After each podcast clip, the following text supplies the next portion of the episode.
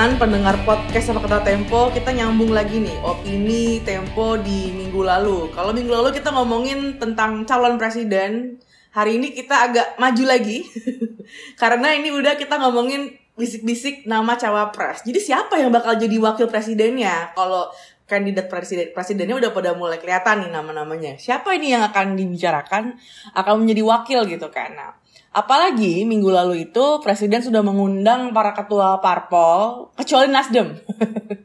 kecuali Nasdem. Nah, ini udah mungkin bisa ngasih bocoran nih pertemuan di istana kemarin gimana nih udah? Ya, Lisa, jadi apa ini tahun politik dan dan kita meskipun dengan kalau mau jujur udah jenuh juga bolak-balik membahas dan aktornya itu itu saja tapi ya ya nggak gimana lagi hmm. ini dinamika rutin lima tahun dan kita nikmati yang menarik memang Lisa jadi pertemuan undangan uh, ke ketua umum partai politik pendukung Jokowi. Nah, jadi mereka khusus diundang, temanya sih halal bihalal. Halal bihalal segala macam. Tapi ya itu yang menarik ada satu satu ketua umum uh, yang tidak diundang yaitu Surya Paloh. Jadi ketua umum Partai Nasdem. Jadi, oh, oke. Okay. Jadi ini bukan halal bihalal, halal bihalal kan nggak mengenal lawan politik dan tidak iya, mengenal kan silaturahmi. silaturahmi.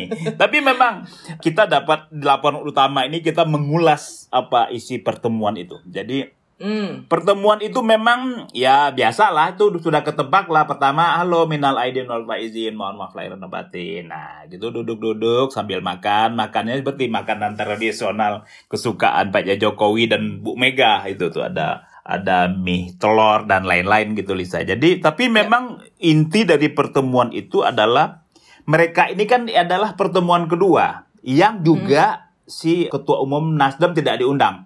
Jadi dulu awalnya ini sebetulnya adalah koalisi besar ini. Hmm. Uh, waktu yang awalnya Bu Mega nggak datang ya, tapi kan sudah kita sudah tahu koalisi besar adalah koalisi yang digagas oleh Presiden Jokowi.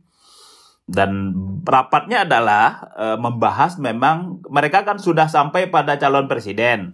Yeah. Presiden yang akan diusung oleh koalisi besar itu adalah uh, Prabowo Subianto dan Ganjar Pranowo. Prabowo ketua umum Partai Gerindra, Ganjar kader PDI Perjuangan. Sampai kemudian bagaimana wakil? Nah, jadi membahas wakil. Membahas wakil dan mengerucutlah pada dua nama. Dua nama orang yang dekat dengan uh, Jokowi dan di endorse dengan sangat oleh Jokowi juga. Satu Sandiaga Uno, yang kedua Erick Thohir. Jadi dua orang menteri Jokowi. Sandiaga sebelumnya sudah masuk eh, di partai apa ya? Jadi dia kan Sandiaga ini kan wakil ketua Dewan Pembina Gerindra. Dulu eh, tahun 2019 berpasangan dengan Prabowo tapi di sehabis lebaran dia loncat keluar dan kabarnya akan bergabung dengan P3. Hmm. Jadi jadi memang kalau Lisa tanya itu pertemuan halal bihalal bukan itu pertemuan politik pertemuan politik yang dilakukan di rumah presiden, rumah rakyat lah ya. Jadi presiden itu kan adalah apa kepala negara rakyat Indonesia. Hmm. Sama yeah. DPR uh, adalah rumah wakil rakyat. Jadi ya sama. Hmm. Jadi, jadi membahas politik di rumah rakyat ya sudah selesai. Kita mau berharap apa lagi? Iya. Nggak gimana ya rasanya udah kemarin juga banyak yang mengkritikkan itu karena ini kan fasilitas negara tapi kan urusan politiknya bukan lagi ngomongin bukan lagi ngomongin apa ya strategi kebijakan gitu udah betul ngomongin ke depan mm -mm. seharusnya gitu. ber berkumpul di sana itu membahas bagaimana mendongkrak pertumbuhan ekonomi, bagaimana hmm. mengentaskan kemiskinan. Meskipun, nah ini kita harus fair juga ini. Ini kan hmm. ini sudah dilaku, ini pernah dilakukan juga oleh presiden sebelumnya. Ini uh, ya ketua umum Partai Demokrat Anas Urbaningrum yang keluar dari baru keluar dari penjara dari penjara suka miskin juga menyebut bahwa di era Susilo Bambang Yudhoyono juga pernah mengundang ketua umum partai membahas koalisi-koalisian. Mm -hmm. Jadi ya ini ini apa pun lah ini ya. Jadi ini buruk mm -hmm. eh, tradisi buruk yang juga diulang lagi oleh presiden sekarang gitu. Jadi jadi pada akhirnya memang ya gimana coba bisa Lisa bayangkan seduhan itu itu pakai uang negara loh tuh itu ada ada hmm. eh, makanan menu dan nggak mungkin masing-masing ketua umum partai bawa bawa rantang masing-masing dari rumahnya terus biar hmm. biar tidak menggunakan uang rakyat gitu jadi ya tapi hmm. inilah ya ini yang terjadi ini yang terjadi ketika Uh, ketua umum partai juga menjadi menteri pembantu presiden. Jadi mereka bisa bungkus tuh. Wah, ini bukan, ini rapat uh, silaturahmi para menteri padahal membahas soal politik soal estafet kepemimpinan di di 2024 yang seharusnya mereka bisa bahas itu panjang lebar cari restoran atau di rumah uh, di rumah masing-masing atau atau yang paling irit via Zoom gitu misalnya. Boleh aja, tapi ya ya kita tidak tahu ini adalah apa drama politik atau apalah ya, tapi ini sangat menjadi tradisi yang tidak baik lah buat demokrasi. Begitu Lisa. Oke. Uh, tapi terlepas dari kontroversi pertemuan istana kemarin gitu, kabarnya nih udah ada dua kandidat cawapres yang udah jadi pembahasan nih di istana. Jadi ada Pak Sandi dan juga Pak Erik. Ini kira-kira apakah salah satunya bakal dipasangkan ke Pak Ganjar? Terus eh, kira-kira udah bisa ngasih tahu nggak sih nih alasan pemilihan dua nama ini tuh kenapa gitu? Ya, di dalam di dalam pertemuan di Istana Negara itu memang ini yang dibahas salah satunya karena hmm. mereka uh, koalisi besar ini kan sudah mengerucut pada calon presiden. Ya. Meskipun ada spekulasi loh. Jadi spekulasi sempat ada upaya pembahasan bagaimana menyandingkan antara Ganjar Pranowo dengan Prabowo Subianto. Uh, tapi uh, ini menjadi mentah lagi uh, pembahasannya karena Prabowo sudah bertekad dia akan maju menjadi calon presiden. Tapi memang dua orang nah, ini yang menarik adalah dua orang yang disiapkan menjadi uh, wakil presiden dari dua kandidat presiden yang sudah dirilis oleh ketua uh, oleh ketua umum oleh koalisi gabungan pendukung Jokowi ini kan. Hmm. Satu ya Sandiaga Uno dan Erick Thohir. Siapa mereka? Mereka adalah all president men. Jadi hmm. kita lihat Sandiaga yang menterinya Jokowi punya historis gitu. Jadi kalau kita punya historis lama sebetulnya meskipun mereka sempat berseberangan hmm. di 2019 Bersaing, uh, ya. ya.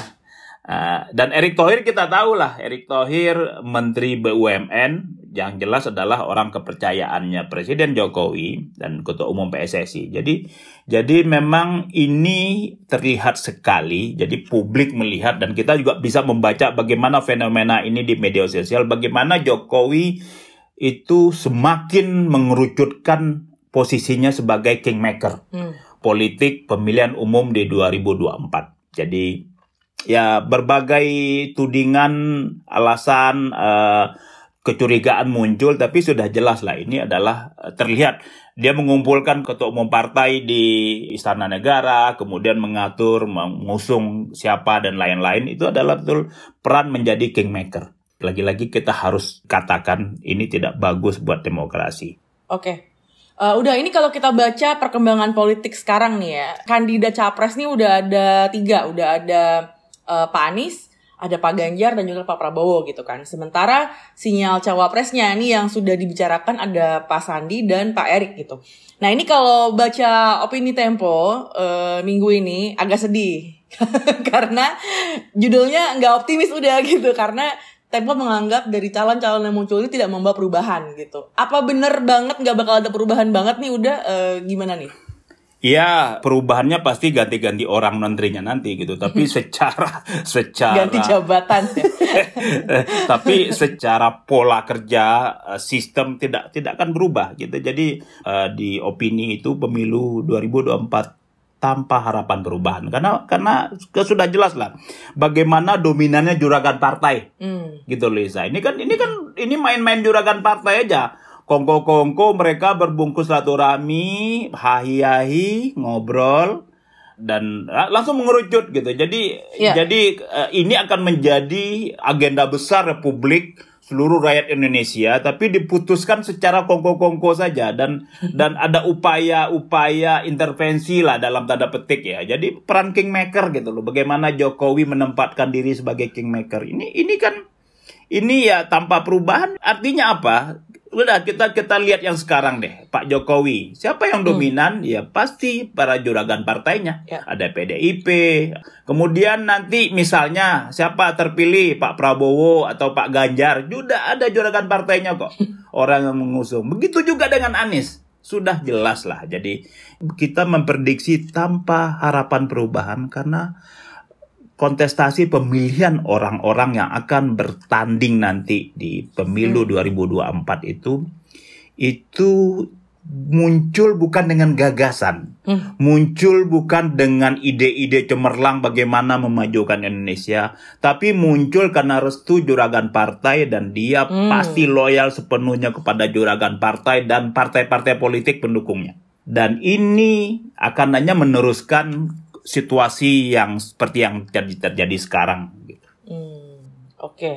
udah ini kita kalau ngobrol, aku ya, aku mau cerita aja. Kalau kalau ngobrol nih dengan sama teman-teman gitu ya, teman-teman. Uh, hal yang aku perhatikan adalah orang tuh yang dulu milih Pak Prabowo, kebanyakan nggak mau milih lagi karena sudah kecewa, karena akhirnya dia bergabung masuk ke kabinet gitu kan. Uh, orang yang memilih Pak Jokowi mungkin juga nggak mau milih lagi ke Pak Ganjar atau uh, yang lainnya gitu kan, karena ya nggak uh, tahu nih mau milih siapa gitu kan. Nah, jadi kemungkinan golputnya itu tinggi gitu. Nah, ini aku mau nanya nih udah, ini kan karena uh, editorialnya Tempo juga menyiratkan ini kayaknya emang nggak ada nih harapan perubahan gitu kan di pemilu 2024 gitu. Dan Tempo nih jadi mengamini kalau nanti ada yang golput. Nah, kayaknya aku juga ngeliat banyak nih udah yang bakal golput tahun depan gitu. Bukannya golput itu bahaya udah buat uh, demokrasi? Ya, Lisa. Jadi uh, apa analisa analisis analisa tidak analisa yang nyambung jadi analisis observasi yang Lisa, aja kali ya udah jangan analisis iya Serem iya pendapat yang Lisa sampaikan tadi itu iya. sebetulnya yeah. tercermin di sejumlah survei bahwa oh. hmm. bahwa pemilih uh, Prabowo itu beririsan dengan pemilih Anies hmm. dan ini sangat cair mereka sangat mudah pindah gitu jadi yeah. uh, demikian juga dengan pemilih Pak Jokowi itu sudah identik dengan kaum nasionalis dan lain-lain pasti ke ke Ganjar gitu. Tapi memang yang tadi jadi artinya kalau dengan basis itu ada beban yang ditanggung. Jadi ketika ada pemilih uh, Jokowi, dia merasa tidak puas dengan 10 tahun ini, otomatis dia tidak akan memilih si Pak Ganjar gitu misalnya. Itu itu bisa diduga. Mereka juga tidak sangat kecil balik kanan ke Anies dan Prabowo. Ya. Ini ini memang hmm. situasi yang yang sangat tidak baik lah buat demokrasi hmm. dan golput itu kan ya ini akan akan debatable nih. Golput kan hak juga, hmm. hak untuk tidak memilih kan ini kan ini, ini adalah diskursus yang sudah berkembang sejak 2000 2014 kan. Aduh, kita ya. kita kenapa? Tapi memang tidak bagus ya. Tapi ya lagi-lagi ini harus kita lihat situasi-situasi buruk ini potensi meningkatnya golput ya karena karena yang tadi hmm. karena dominannya para juragan partai para juragan partai yang berkomplot menutup misalnya munculnya calon independen hmm. atau juragan partai yang membatasi orang dengan presidensial threshold jadi hanya partai yang memiliki suara 20% bisa mengusung calon presiden gitu. Jadi jadi ada ada semacam semacam orkestrasi yang dampaknya seperti sekarang ada prediksi golput akan meningkat ada prediksi si A akan sulit menang karena pilihannya terbatas gitu. Kita bisa bayangkan deh kalau misalnya bisa dibuka dibuka gitu. Semua orang yang mempunyai kapasitas, punya program, punya ide yang bagus untuk membangun Indonesia lebih baik itu bisa maju dan dia didukung oleh orang gitu. Hmm. Jangan-jangan mm. itu memberi harapan calon perubahan. Mm. Kan kalau kita bisa lihat kok yeah. yang tiga calonnya Lisa sebut itu, mereka pu mereka punya program apa? Program ya, apa betul. untuk yang muncul kan baru ya Ganjar dan Pak Prabowo kita akan meneruskan program pemerintahan sekarang. Sementara Anies muncul dengan narasi perubahan. Kita ingin memberi perubahan. Tapi ya abstrak semua. Apa yang diubah, bagaimana gagasan yang yang yang lebih konkret gitu ya yang bisa meyakinkan publik rakyat untuk memilih A atau B atau C. Dia tidak muncul Dan ini adalah uh, kutukan ya, bagaimana juragan dominannya juragan partai itu membuat pilihan semakin terbatas, orang-orang yang berpotensi itu tidak bisa maju karena dia tidak direstui oleh uh, para juragan partai tadi. Siapa itu juragan ya para ketua umum partai politik hmm, itu Lisa? Baru mau nanya udah. Jadi siapa nih juragannya? Yang presiden apa yang ketua partai?